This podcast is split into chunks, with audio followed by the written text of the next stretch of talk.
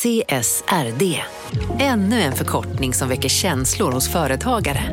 Men lugn, våra rådgivare här på PWC har koll på det som din verksamhet berörs av.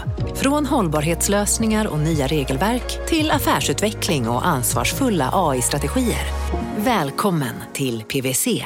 Du har 86 missade samtal. Senaste samtalet togs emot... Att missa typ tusen kundsamtal, det är inte Telia. Att ha en molnbaserad växel som löser allt, det är Telia. Upptäck Smart Connect som gör ditt företagande enklare. Läs mer på telia.se företag. Ni har väl inte missat att alla takeaway förpackningar ni slänger på rätt ställe ger fina deals i McDonalds app. Även om skräpet kommer från andra snabbmatsrestauranger. Exempelvis... Åh, oh, sorry. Kom, kom åt något här. Exempelvis... Förlåt, det är något skit här. Andra snabbmatsrestauranger som... Vi, vi provar en talning till. La, la, la, la, la. La, la, la, la. Från Monopol Media, det här är Kapitalet. Jag heter Åsa Secker. Jag heter Gunnar Harjus.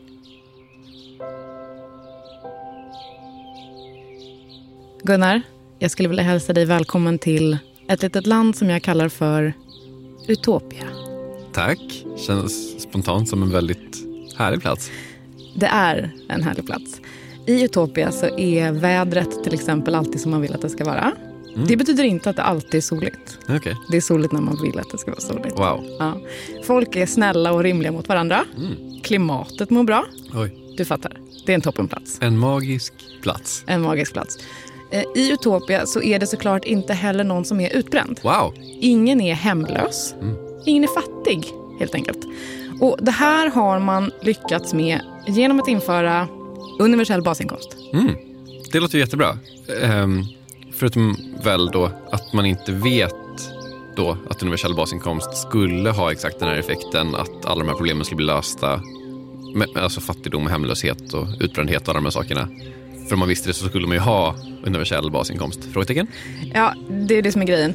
Utopia är ju just Utopia, alltså ett land som inte finns på riktigt. Och universell basinkomst är en grej som man aldrig riktigt har testat fullt ut. Det har ju då aldrig testats i stor skala. Det har aldrig testats fullt ut i den bemärkelsen att man, man har aldrig infört det i ett helt land för en hel befolkning liksom för alltid, så oavsett vem som sitter i regeringen. Mm.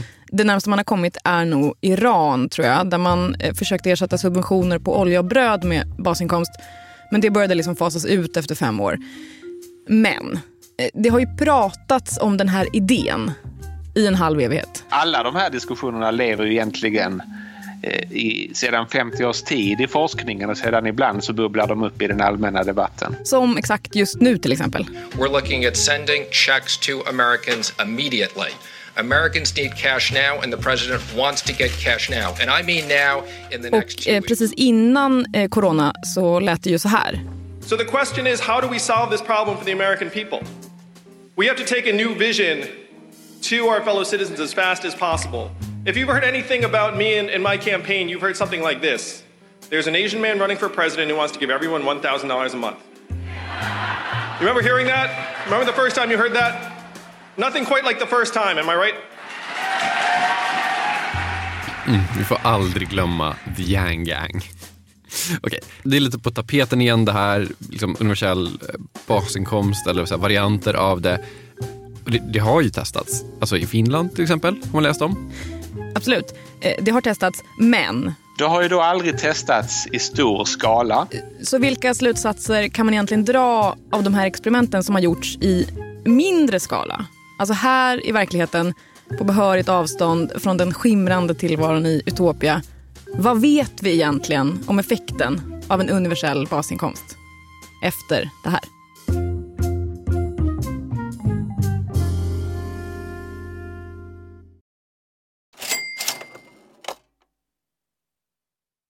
Vi sponsras av alltså Storbrand Asset Management som ju förvaltar över 1000 miljarder norska kronor, bland annat för SPPs eh, många pensionssparare.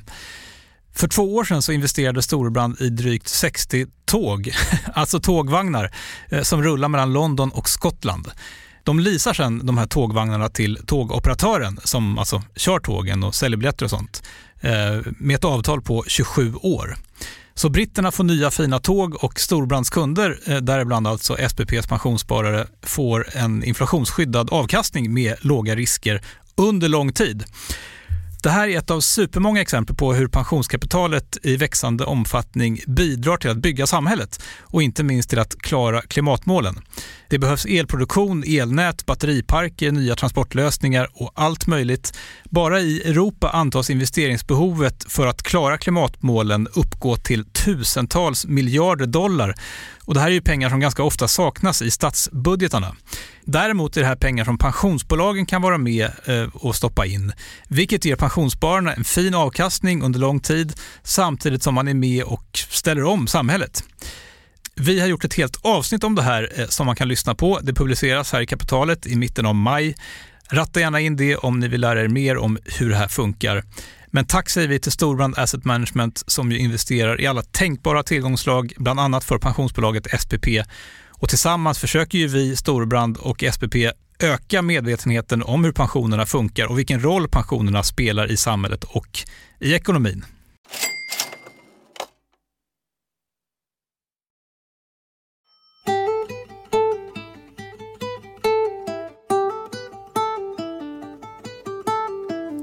Vi måste börja med att definiera universell basinkomst. Eh, det tänkte jag att Andreas Berg ska få hjälpa oss med. Jag är välfärdsforskare vid Lunds universitet och Institutet för näringslivsforskning i Stockholm. Eh, bara kort, vad gör en välfärdsforskare nu igen? Jag forskar om vad det är att ha det bra och hur vi får det bättre. Eh, min akademiska titel är docent i nationalekonomi. Ett väldigt rimligt forskningsområde tycker jag. Okej, hur eh, definierar han då eh, universell basinkomst? Det finns jättemånga olika förslag och varianter men det som förenar dem är att det finns en minsta materiell levnadsnivå som alla har rätt till utan att det betingas på om man kan arbeta eller vill arbeta eller är beredd att söka jobb eller något sådant. Och att det här gäller eh, alla, antingen i ett land eller kanske till och med alla människor. Förenklat så är det ju gratis pengar. Mm. Alltså pengar till alla Eh, och som inte kräver någon motprestation. Du får dem om du jobbar, du får dem om du inte jobbar, om du inte vill jobba, det spelar liksom ingen roll. Du får pengar för att existera. Exakt. Eh, och ibland så kallas ju det här för medborgarlön. Eh, mm. Det är inte Andreas Berg så förtjust i. Medborgarlön antyder att det är en lön och inte ett bidrag eh, eller en rättighet och det är en pågående diskussion. Det är också så att det antyder att det går till alla medborgare men det är också en pågående diskussion om det ska gå till medborgare, till människor, till alla som råkar vistas på ett visst ställe eller inte. Så det är bättre att säga eh, en basinkomst därför att då har man det bredast möjliga begreppet. Okej, lite av en, en liksom så språklig fråga men okej, vi säger basinkomst. Eh, den här idén då, basinkomst, medborgarlön, whatever, var var kommer den ifrån? Den kommer från många olika håll, både högerkanten och vänsterkanten. Det var ju vagt. Eh, ja, alltså det han säger är ju sant. Eh, men om man vill vara lite mer specifik eh, så brukar man prata om två olika Thomas. Uh -huh. Thomas More uh -huh. Och Thomas Paine. Uh Thomas More var en brittisk socialfilosof, författare, advokat med mera. Du hör, en klassisk 1500-tals mångsysslare helt enkelt. Renässansman. Ja. 1516 så skrev han en bok som hette inget mindre än Utopia. Mm. Okej, okay. säckar knyts ihop, jag, jag hör det. Och i den då så föreslår han universell basinkomst? Ja, så här, den här boken är fiktion, den handlar om en ö som heter Utopia. Men en av karaktärerna säger vid ett tillfälle att han tycker att det är orimligt att man hänger så många tjuvar han tycker att han passerar hängda tjuvar mest hela tiden. Eh, och han tycker inte att det här straffet motsvarar brottet, eh, men han tycker inte heller att det verkar funka eftersom att folk uppenbarligen fortsätter att stjäla trots att de riskerar att dödas genom hängning. Ja, det är ett annat avsnitt av kapitalet, men ja. absolut. Men då säger han att han tycker att det vore rimligare om man ger folk tillräckligt mycket pengar så att de klarar sig, så att de slipper stjäla. Ja, okay, så idén om basinkomst är alltså 500 år gammal, minst ska vi väl säga. Alltså, det, det kan ju vara att någon kommit på det här det första som hände mänskligheten. Alla ska ha så man klarar sig. Absolut, det finns säkert greker och liknande. Men det här är ändå så här nedprintat i en bok som Visst. var publicerad år 1516. Det är ja. liksom dokumenterat. Eh, men sen eh, lägger inte Thomas More så himla mycket mer tid på att utveckla den här idén. Eh, men 300 år senare så kommer en annan Thomas in i bilden och, och han lägger lite mer tid på det här. Thomas Paine. Eh, Thomas Paine var författare, politisk aktivist, filosof, revolutionär. Du hör ju, en klassisk 1700-tals mångsysslare. En renässansman? En renässansman. Eh, Han är kanske mest känd för att ha skrivit två texter som sägs ha inspirerat den amerikanska revolutionen när man skulle bryta sig loss från britterna. Men i hans eh, sista lilla pamflett som han publicerade 1797 som hette Agrarian Justice så föreslår han att alla ska få en liten påse pengar av staten när de blir myndiga. Närmare bestämt eh, 15 pund när man fyller 21. Och Det här skulle vara då för att kompensera för ojämlikheten som han menade framförallt berodde på att vissa ärvde mark medan andra inte gjorde det trots att vi alla föddes utan någon slags rätt till mark om man liksom går tillbaka till människans begynnelse. Eh, det här tyckte han var skevt. Eh, han tyckte att alla förtjänade en bra ekonomisk start i livet. Eh, Han verkade också ha tyckt att man förtjänade ett bra slut på livet för han ville också att alla som hade fyllt 50 skulle få en pensionsutbetalning på 10 pund eh, per år. Eh, Allt det här väldigt kostsamma skulle då finansieras genom att man tog ut en 10 i skatt på direkta arv. Vilket i praktiken betydde att man beskattade landägare. Thomas Paine är väldigt eh, tydlig med att det här inte handlar om välgörenhet utan om rättvisa. Eh, så det han föreslår är ju en universell basinkomst men också eh, någon slags resursomfördelning även om de rika också kommer få ta del av den här basinkomsten. Ja, du fattar. Eh, Och eh, hela idén med basinkomst, eh, ja, I vissa läger är det en jämlikhetstanke. och eh, Eh, För andra är det nog mer en pragmatisk fråga. Eh, Det är enkelt och effektivt att dela ut ett belopp lika för alla. Men i grunden, menar Andreas Berg då, eh, så är det här med basinkomst En väldigt fundamental filosofisk fråga. Vad ska vi göra med människor som inte har mat för dagen? Eh, Ska vi låta dem svälta eller ska vi stötta dem? Hur mycket och vem har ansvar för detta? Eh, Det är absolut en fundamental filosofisk fråga, men basinkomst är väl inte bara så här, de som svälter ska få pengar, utan det här är liksom att alla ska få. Exakt, alla ska få. Eh, Men det är ju inte så att man vill ge folk pengar för att det är kul. Även om det är kul. Även om det är kul. Vad vet jag. Idén är ju att det ska lösa ett problem. Och det mest grundläggande problemet är ju vad gör man med de som inte har någonting alls? Alltså, har man rätt att få stöd av staten när ens enda motprestation är att man existerar? Och om, om detta tvistar olika lärda, gissar jag. Jo, men det kan man säga. Eh, Vi kan väl börja med hur argumenten för basinkomst ser ut. Vissa ser ju det kapitalistiska systemet som fundamentalt orättvist och menar att kanske kapital, maskiner och nu på senare tiden robotar tar jobben från arbetarna och då ser man medborgarlön eller basinkomst som ett sätt att komma till rätta med det problemet. Och det där får väl kallas för något slags rättviseargument. Andra är mer pragmatiska och konstaterar att det är svårt att utforma ett system som passar allas behov och då är det bättre att ha ett väldigt enkelt och transparent system så att människor inte trillar igenom. Sen finns det ekonomer som tycker att välfärdsstaten inte riktigt funkar eh, för att den skapar så kallade fattigdomsfällor. Och med det avses att om du har det som vi i Sverige brukar kalla socialbidrag men som egentligen numera heter försörjningsstöd. Om du försörjer dig med detta och får ett jobb så minskar ditt bidrag, ditt stöd från kommunen med lika mycket som du själv drar in på ditt jobb och så lönar det sig inte att arbeta. Och det betyder att människor sitter fast i en fattigdomsfälla och har svåra möjligheter att, att öka sin inkomst med en egen arbetsinsats. Om du då istället hade ett kanske lite lägre stöd men som du i gengäld får behålla även om du arbetar så lönar sig arbete faktiskt bättre. Eh, sen finns det lite mer så vidsträckta argument från de som verkligen tänker att en universell basinkomst skulle göra livet bättre och härligare för exakt alla. De som är mest förtjusta i idén menar ju att det här löser, inte nästan allting, men väldigt, väldigt mycket. Folk blir fria eh, från tvånget att behöva lönearbeta och då blir man också mer kreativ, man blir snällare, man ägnar sig åt konstnärligt skapande, man slipper stressa ihjäl sig på jobbet. Eh, Så att det finns nästan ingen hejd på vad de mest entusiastiska förespråkarna menar att det här skulle kunna ha för positiva effekter. Vi har alltså rättviseargumentet, välfärdsstaten fungerar inte för alla och måla fingerfärg-argumenten. Exakt. Okej. Det här är då tre toppenargument för eh, basinkomst. Finns det lika många argument mot? Ja. Det finns tänkare på vänsterkanten som är emot för att man menar att om man delar ut bidrag till alla så kommer folk att passiviseras och då eh, låter de bli att göra revolution och så kommer kapitalismen att leva kvar av just det där skälet. Medan motargumenten på högerkanten är att, att det såklart är fel att ge människor pengar så att de snyltar på andras arbete och de kommer att röka och dricka och, och supa upp pengarna. Eh, och jobba mindre. Och jobba mindre naturligtvis. Så det var två argument. Och sen kanske det mest självklara argumentet mot, nämligen att det är alldeles för dyrt. Att, att kalkylen inte går ihop. Alltså i alla fall inte om den här basinkomsten ska vara tillräckligt hög för att faktiskt göra någon skillnad. Okay, men jag tänker, det finns ju också andra argument eh, mot. Alltså typ, vad ska vi göra med alla som jobbar på Försäkringskassan om vi helt plötsligt har basinkomst? Det känns ju mycket lättare att typ administrera basinkomst än att administrera eh, typ alla liksom arbetsersättningsförsäkringar och eh, Försäkringskassan och liksom alla bidrag.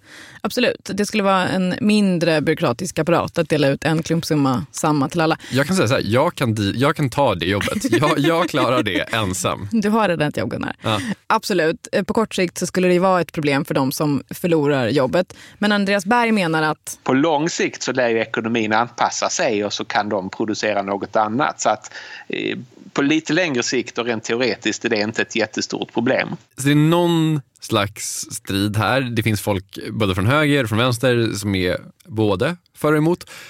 En, en, en soppa på en röra. Det är en soppa på en röra, det är en liten cirkus skulle man kunna säga. Och det enda sättet att kunna avgöra vem som har rätt eller fel, det är ju att testa, alltså att införa basinkomst. Vad händer? Slutar folk jobba? Blir de latare? Eller blir de lyckligare? Utrotar vi all fattigdom eller dränerar vi staten på alla resurser? Alltså vad händer på riktigt? Blir det mer konst? Exakt. Det är jag nyfiken på. Exakt. Blir det mer konst? Blir konsten bättre? Alltså, jag vill ha svar på de här frågorna till exempel, eh, så vi kan lägga den här diskussionen åt sidan nu, efter 500 år. Eh, men det är väl också lite det som är grejen, att vi har ju inte på 500 år testat det här i liksom en skala stor nog så att vi verkligen kan säga vad som är vad. Nej, man har ju aldrig riktigt infört det på riktigt. Men man har ju experimenterat med det i mindre skala mm. på massa olika ställen. Eh, okej, okay. Gunnar, för att det här ska bli lite roligare nu så tänkte jag så här. Spelade du Den försvunna diamanten när du var liten? Nej, det fanns på mitt fritids. Och eh, det var så ett spel som typ så här, inget av barnen kunde reglerna till. Så då och då så tog någon upp så här brädspelet, slog upp och så var det en diamant i mitten och olika så här elefanter och grejer som man kunde Men så, så var det bara så här, typ, det var ingen som kunde spela det. Så, så jag har, jag liksom, jag liksom haft spelet framför mig många gånger. Vet du vad Gunnar? Du kommer att få revansch nu för att jag har förenklat reglerna. Wow. Eh, om man googlar instruktionerna till den försvunna diamanten så låter de så här. Du ska försöka hitta den försvunna diamanten, a.k.a. Afrikas stjärna, mm. genom att leta på olika platser. Jakten går till lands, får man säga så? till sjöss och med flyg. Den som hittar den försvunna diamanten och för den till Kairo eller Tanger vinner. Wow. Eh, jag har skrivit om de här instruktionerna lite. Så här låter de nya instruktionerna. Är ja. du med? Ja. Du ska försöka hitta den perfekta universella basinkomsten. Pub. Perfekt universell basinkomst. Mm. Genom att leta på olika platser. Jakten går till lands, till sjöss, inte med flyg då såklart, utan med cykel. Den som hittar den perfekta universella basinkomsten vinner. Hänger du med? Absolut inte. Men hur menar du att det här ska liksom gå till lite mer alltså, du vet att vi sitter i liksom, den här poddstudion och pratar och inte... Alltså, det, brädspel har ju inte gjort sig känt för att vara så här, den perfekta radiounderhållningen. Nej, men vi provar något nytt här. Ja. Så här. Eh, det finns massor av exempel på platser där man har genomfört experiment med universell basinkomst. Jag har valt ut tre av dem. Eh, och från de här tre experimenten så har man ju såklart lärt sig något. Du ska få gissa vad. Mm. Gissar du rätt så får du ett poäng. Och sen får vi se lite vad dina poäng räcker till. Kapisch? Jag säger ja för sakens skull, så kör vi här nu. Ja, jakten på den perfekta basinkomsten börjar efter det här.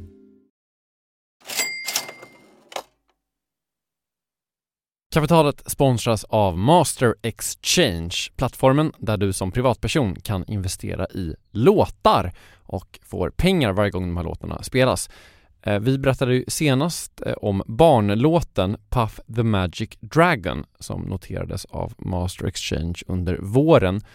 Nu har utdelningen på den låten kommit, eller royaltyn som vi säger i musikbranschen. Eh, den ligger på drygt 12% i årstakt Och det här är ju en avkastning som är helt okorrelerad till börsen. Till och med Goldman Sachs har börjat skriva om just musik som investering just ur det här perspektivet. Nu finns en möjlighet att investera i en ny låt. Eh, låten heter Boss Bitch och den är av Doja Cat eh, som, eh, alltså jag ska inte säga att jag är superdeep här, men eh, det är ändå en, en, person som jag vet om det är. En, en världskändis. Den här låten gav, baserad på förra årets spelningar, en avkastning på drygt 13% Master Exchange har just nu en väntelista på registreringar. Det, det, går lite för bra för dem kan man säga. Men skriver ni in kapitalet som promo code så kan ni runda kön och ansöka om andelar i låten Boss Bitch ändå. Om ni investerar helt vanliga pengar, det är inget krypto eller sånt där. Så vill du investera i musik och få en avkastning som är helt okorrelerad med börsen och kanske inte minst eh, för att det är kul att äga låtar eh, så kan man gå in på masterexchange.com och använda kapitalet som promo-code så går man alltså förbi kön. Kom ihåg dock att alla investeringar är förenade med risk men vi säger stort, stort tack till Master Exchange. Kapitalet sponsras av Karla, Jakob. Ja, bilar igen. Ja, det är eh, härligt. På Karla kan man sälja sin elbil eh, på det gissningsvis smidigaste sättet i Sverige Eh, Karla har ju ett nästan ett komiskt högt användarbetyg på Trustpilot. Mm. 4,8 av 5, vilket jag typ aldrig hört talas om. Nej, det är väldigt, väldigt högt. Eh, man knappar in lite info om bilen på sidan, sen får man en gratis värdering och ett bud. Accepterar du budet kommer Karla och hämtar upp bilen gratis och sätter in pengarna innan de kör iväg. Inget mer än så. Rätt fantastiskt. Nej, det är faktiskt ja. helt otroligt. Och eh, det kan bli ännu mer eh, otroligt än så. Eh, för att vi har nämligen en rabattkod som ger dig 2000 kronor extra för bilen. Så om du säljer din bil så får du två lax extra. Stämmer. Bara sådär. Eh, koden är Monopol och eh, den uppger du när du har värderat bilen och eh, pratat med Karlas inköpare. Koden är giltig till sista maj så att passa på om du går i säljartankar. Jag undrar om vi haft en kod som har gett två lax bara sådär någon gång. Nej. Det är helt otroligt. Mm. Man behöver en bil förvisso. Absolut, så det är kanske inte bara sådär, men det är ändå 2000 kronor extra. Väldigt bra. Ja. Så sälj din elbil eller laddhybrid till Karla. Du får 2000 kronor extra med rabattkoden Monopol. Eh, hoppa in och kolla på karla.se. Karla Museet. Där kan man också köpa bilar ska jag tillägga. Verkligen. Vi säger stort tack till Karla. Eh, jag tänker att vi ska mjukstarta lite med att ta färjan över till vårt grannland i öster. Underbaraste Finland. Underbara Finland. I Finland bestämde man sig 2015 för att man nog ville eh, kolla om det här med basinkomst kanske funkar ändå. Och vi ska vända örat mot Finland som vill pröva att införa medborgarlön. En basinkomst utan motprestation. Så att 2017 gjorde man slag i saken, kickade igång ett experiment som skulle pågå i två år. Det man vill ta reda på lite mer specifikt, det var om det kunde öka sysselsättningen. Okej, och hur tänkte man liksom att basinkomst skulle öka sysselsättningen? Jo, men alltså det var bara arbetslösa personer som skulle få den här påsen pengar. Okej, och då valde man ut dem på något sätt? Eh, man lottade. Klart man gjorde. Eller hur? Eh, man tog helt enkelt listan över registrerade arbetslösa eh, och så drog man 2000 slumpvis valda namn. Och så skickade man ett brev till dem eh, och i det här brevet så stod det du är utvald att delta i ett experiment. Du kommer att få 560 euro i månaden nu, skattefritt, i två år. No strings attached. Kul för de här personerna, antar jag, fått sånt här brev. Hur tänker de då att det här ska liksom öka sysselsättningsgraden? Jo men så här, grejen med att vara arbetslös och få arbetslöshetsersättning eller gå på andra typer av bidrag för den delen är ju att det kommer en massa villkor. Alltså du måste söka sig så många jobb, du får inte tacka nej till hur många jobb som helst och så vidare. Och sen om man väl tackar ja till ett jobb som kanske inte är toppen men det är ändå ett jobb så är risken rätt stor att det liksom går jämnt upp med att vara arbetslös. Alltså efter att man har skattat så blir det kanske till och med mindre pengar kvar än när du gick på bidrag. Så det finns liksom inga incitament att jobba. Mm. Det är det som är hela det här, det ska löna sig att arbeta eh, politiken. Ja, I alla fall i teorin. Ja. Dessutom så är man kanske inte så superpepp på att tacka ja till så jättekorta kontrakt med den osäkerhet som det eh, för med sig. När det samtidigt betyder att du blir av med det här bidraget då när du tar ett jobb. Eh, för bidraget kanske i det läget känns som en tryggare inkomst. Mm. Både du och jag har haft våra fair share av otrygga jobb och vet hur det känns. Ja. Okej, så tanken då här, det är liksom 2000 arbetslösa finländare ska känna sig lite mer chill med att de får i alla fall 560 euro no matter what. Och så kanske de då vågar ta lite mer ströjobb eller kanske starta någon firma eller tar ett, jag vet inte, ett vick. Exakt. Och att bara få ett bidrag som man dessutom inte behöver söka gör ju också att man slipper massa sånt byråkratiskt blanketttjafs som ju ingen älskar. Spara massa tid. Och hur blev det? Ja, men så lämpligt att du frågar, för det är nämligen din första poängfråga. Gunnar, för ett poäng. Eh, hur gick det? Ökade sysselsättningen bland de som fick 560 euro rakt ner i fickan varje månad? Eh, pyttelite är mitt svar. Ska ta fram facit här. Ja. Dön är fel. Tråkigt. I Finland såg man inte några försämrade sysselsättningsutfall utan även de som hade större frihet sysselsatte sig i ungefär lika stor utsträckning som de som hade lite mer krav på sig. Alltså, det gick varken upp eller ner. De jobbade inte mer, de jobbade inte heller mindre. Okej, så min gissning pyttelite var inte miles off. Nej, men eh, vi jobbar inte med liksom, nästan svar Okej, det är binärt. Ja, Gud, jag, jag önskar vi kunde gå tillbaka och spela min fritidsvariant av Jakten på diamanten. Däremot så såg man eh, två andra positiva effekter. Det vill säga, man mår lite bättre, man känner sig lite mindre stressad. Eh, men här måste man komma ihåg att den slutgiltiga utvärderingen av det här experimentet har inte publicerats än. Eh, det som har publicerats, alltså experimentet är avslutat. Men det som har publicerats det är liksom en första bedömning av det första året med basinkomst. Experimentet pågick i två år. Och enligt den rapporten så mådde de som hade fått basinkomst bättre än de i kontrollgruppen. Alltså de hade ett högre upplevt välbefinnande. Eh, De hade till exempel mindre stresssymptom och koncentrations och hälsoproblem än jämförelsegruppen. De hade också en eh, starkare tro på framtiden och vilka möjligheter de hade att påverka. Vilket ju låter eh, toppen. Mer välbefinnande hos alla känner jag. Det är, det är mitt vallöfte. Jag skriver under på det. Men när man googlar på det här experimentet så får man upp en massa artiklar med rubriker som typ Why Finland's Basic Income Trial Failed. Eh, och på ett sätt så misslyckades den ju eftersom att målet var att folk skulle få jobb. Eh, och det kunde man inte se efter det första året i alla fall att de hade fått. Sen finns det också en del kritik mot hur experimentet genomfördes. Alltså kritik som forskarna som höll i experimentet verkar hålla med om. Typ att det stressades fram, att de hade velat testa på en större grupp. De hade velat så här, följa upp med fler experiment med andra grupper. Till exempel att man ger de här pengarna till folk som redan har jobb. Som alltid med sånt här så måste det ju liksom funka i verkligheten. Och i verkligheten så vill politiker som hittar på sånt här att det ska hinnas med innan mandatperioden är slut. Eh, så att de har någonting att visa upp inför nästa val. Eh, och så får det inte kosta för mycket och så vidare. och så vidare och så vidare. Det finns en verklighet med andra ord. Det finns en verklighet. Och det är väldigt tråkigt när den liksom kommer i kappen. Det hade ju varit härligt att se liksom så här, men, låtit dem liksom löpa linan ut helt enkelt. Håller med. Det håller säkert de också med om. Så kul ska vi inte ha det. Är du redo att resa vidare? Ja, poänglös och jävlig, men absolut. Bra, då åker vi över Atlanten.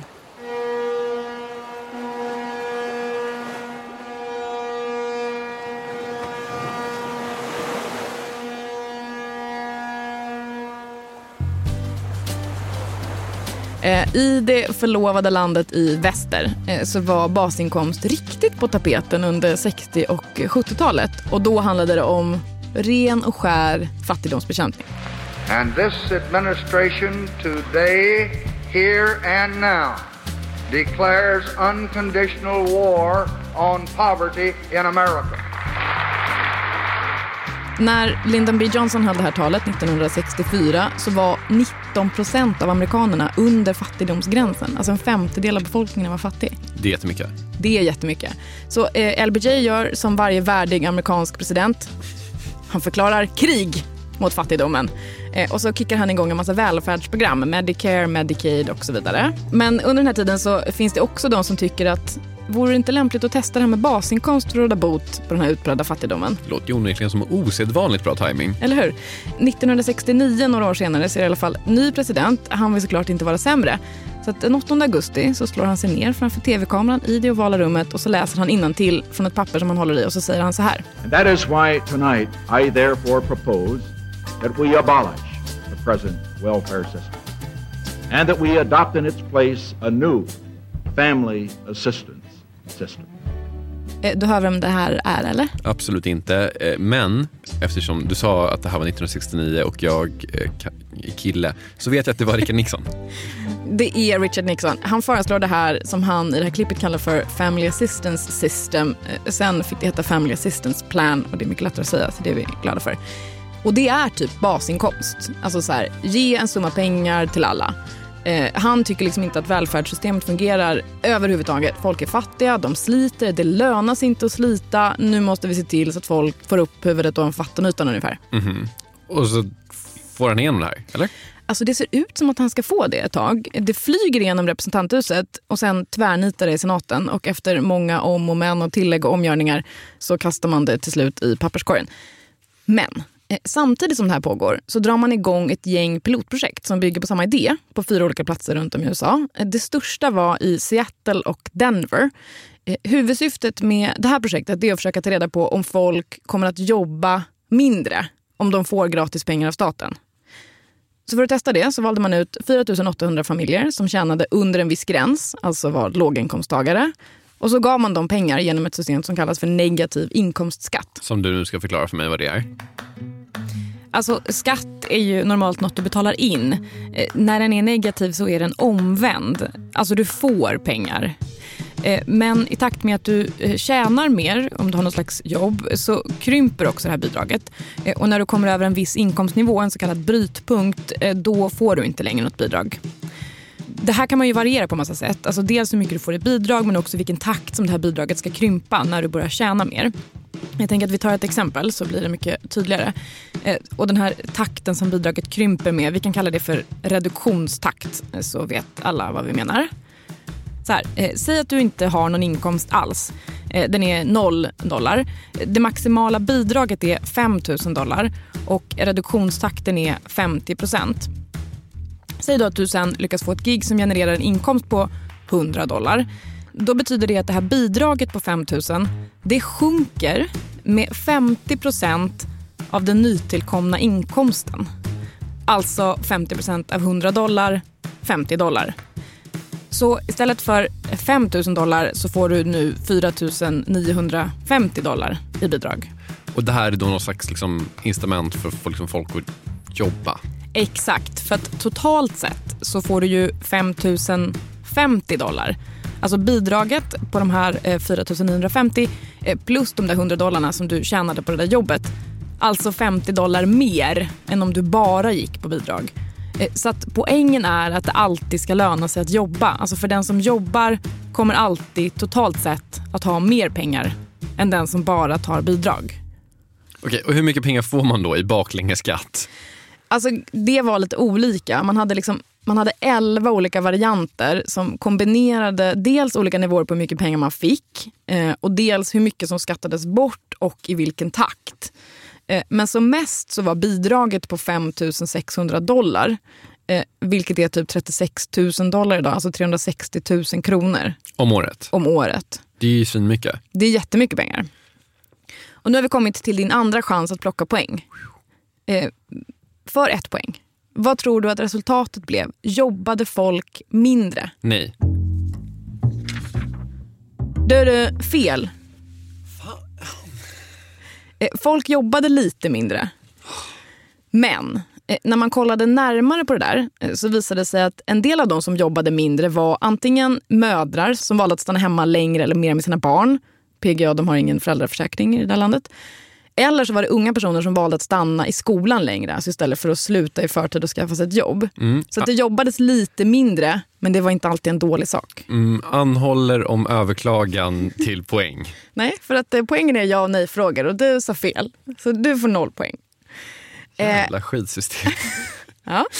eh, men det var inte det som fick mest uppmärksamhet i media back in the day när det begav sig, utan det var en helt annan grej. Eh, sen i USA också speciellt så till det att de är väldigt, medan vi i Sverige kanske är nyfikna på hur går det med arbetsutbud och skatteintäkter så är de väldigt, väldigt känsliga för sociala och kulturella konsekvenser och när det kom några resultat som tydde på att skilsmässorna ökade av att man införde det här så avbröts faktiskt ett förslag i, i förtid just för att det var så kontroversiellt och sedan tog det väldigt lång tid innan det utvärderades offentligt. Varför ökade skilsmässorna? För att man hade råd att lämna någon man inte ville vara med eller? Det var tanken. Samtidigt så har senare studier visat att det var nog inte så stor effekt på, på skilsmässor trots allt. Eh, Men det var tillräckligt att ett frågetecken skulle resas för att förslaget skulle anses väldigt, väldigt kontroversiellt. Det, det är ett märkligt land det här. Det är ju det. Okej, vidare. Eh, det blir mycket båt här, men vi har liksom inget val. För vi ska tillbaka över Atlanten eh, till den afrikanska kontinenten. Eh, men väl där så får du i alla fall hoppa på en cykel. Eh, för du ska ta dig över till den östra sidan, lite mer exakt till Kenya.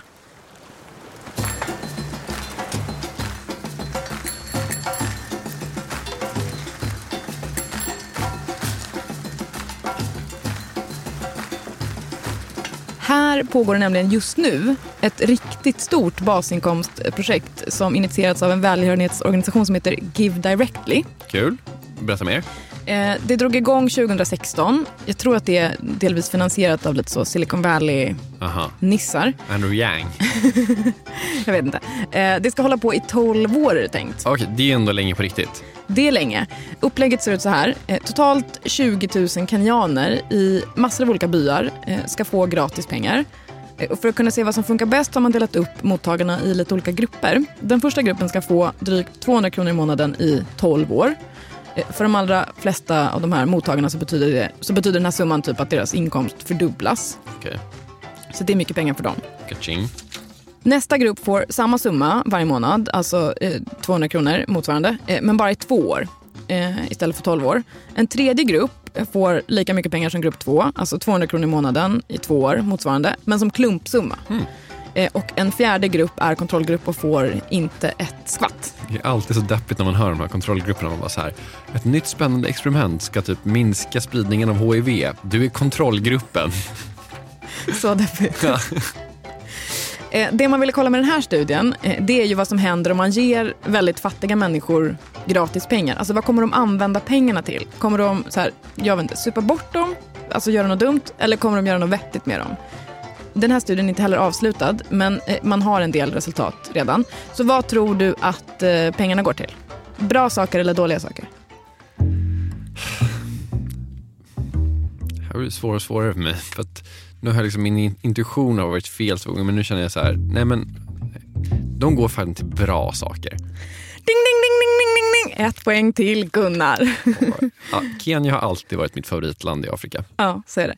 Enligt preliminära resultat då, så används de här pengarna eh, så här långt till väldigt vettiga saker. Till exempel odla te, eh, köpa eller ta hand om boskap, förbättra eh, liksom sitt boende på något sätt eller typ investera i utbildning. Typiskt vettiga grejer. Verkligen. Det, det kan vara så att det bästa sättet att hjälpa fattiga människor eh, är att helt enkelt ge dem pengar. Who knew? Eh, så nu har vi tre exempel på pilotstudier på tre olika ställen i världen. Finland, USA och Kenya. De skiljer sig åt på olika sätt. Det de har gemensamt allihop är ju att de är pilotstudier. Eller alltså de är studier, de är experiment. De är inte på riktigt. Och med tanke på att folk kan agera lite annorlunda om de vet att ett bidrag är tillfälligt. Alltså till skillnad från hur de skulle agera om de fick veta att så här, det här är for life. Så känns det ju som att genom de här experimenten så kommer vi ju aldrig riktigt få veta helt säkert vad ett faktiskt införande av basinkomst skulle betyda. Nej. Vi kommer liksom inte kunna studera oss till om det funkar innan vi på riktigt. Vi måste kasta oss ut. Mm. Så ska vi göra det nu eller? Eller varför gör vi inte det? Andreas Berg har ett par teorier. Jag skulle säga att det beror på flera faktorer. En är egentligen att de som har förespråkat den här idén har ofta förespråkat väldigt höga nivåer, ekonomiskt orealistiska nivåer och kanske också haft väldigt yviga idéer om hur många problem som det här kan lösa. Eller om man ska vara lite mer cynisk. De har varit dårfinkar och inte tagits på allvar i den politiska debatten. Det andra problemet är att människor som betalar skatt till välfärdsstaten inte nödvändigtvis vill ge mottagarna av välfärdsstatens bidrag och förmåner fullständig frihet. Eh, för det, det sticker lite i ögonen att man ska eh, kunna gå och surfa och samtidigt ha rätt till bidrag. Eh, Utan man vill gärna ställa krav på att man går upp tidigt på morgonen, går till en söka jobbkurs, söker ett visst antal jobb eh, och kanske deltar i, i enkelt trädgårdsarbete som motprestation för att få till exempel socialbidrag. Visst, folk är säkert snåla jävlar. Men alltså, den där logiken stämmer ju inte. För liksom, om alla får, då får ju snåljåparna också. Absolut. Men det spelar ingen roll man, man har i regel mycket högre tankar om sig själv än om andra så att även om jag såklart skulle klara av att få ett antal tusen utan att förslappas eller försvinna in i havsdimmorna så jag är inte så säker på att du skulle klara det och därför vill jag nog eh, ställa lite krav innan jag ger dig pengar sådär ovillkorslöst. Vilket säkert är så himla sant men också så himla sorgligt. Alltså varför kan vi inte bara så här unna varandra och oss själva att ha det lite bra? Det kan man verkligen fråga sig. En sak som inte är något frågetecken är ju hur många poäng du har Gunnar hittills, nämligen ett poäng. Men du ska få en sista fråga och möjlighet att ta ett sista litet poäng.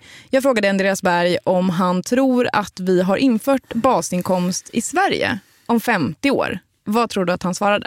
Andreas Berg svarade nej. Det har vi inte. Ding, ding, ding, ding, ding. Ett poäng till till Gunnar Harrius. Skönt med eh, forskare som ger raka svar, framförallt när det är rätt svar också. Blickar vi tillbaks 50 år så eh, hade robotarna börjat synas på vissa håll redan då. Vi har alltid haft den här diskussionen om att teknik kommer göra människan överflödig. Så jag tror inte att basinkomsten kommer att drivas fram av någon teknologisk arbetslöshet utan i takt med att maskiner, robotar, datorer och algoritmer tar över mer och mer så hittar människor andra saker att göra eh, och att roa sig med. Tack till dig Gunnar för att du ville spela det här spelet med mig. Du gick i mål med hela två poäng. Eh, vilket förärar dig med titeln eh, Kan lite grann om basinkomst. Grattis! Var är min diamant? du får fortsätta leta efter den eftersom att du inte klarade av att göra det när du var liten. Eh, du har lyssnat på Kapitalet med mig Åsa Secker och med dig Gunnar Harrius. Jakob Bursell heter vår chef och ljudtekniker heter Kristoffer Krook. Eh, på Instagram heter vi Kapitalet. Men ni glömmer väl inte att ni fortfarande kan vinna superfina, sköna, härliga kapitalet-tröjor om ni tipsar om oss på något smart sätt. Fota det där tipset och skicka det till gunnar.kapitalet.se. Bara gjort. Så hörs vi nästa vecka. Hej då! Hej då!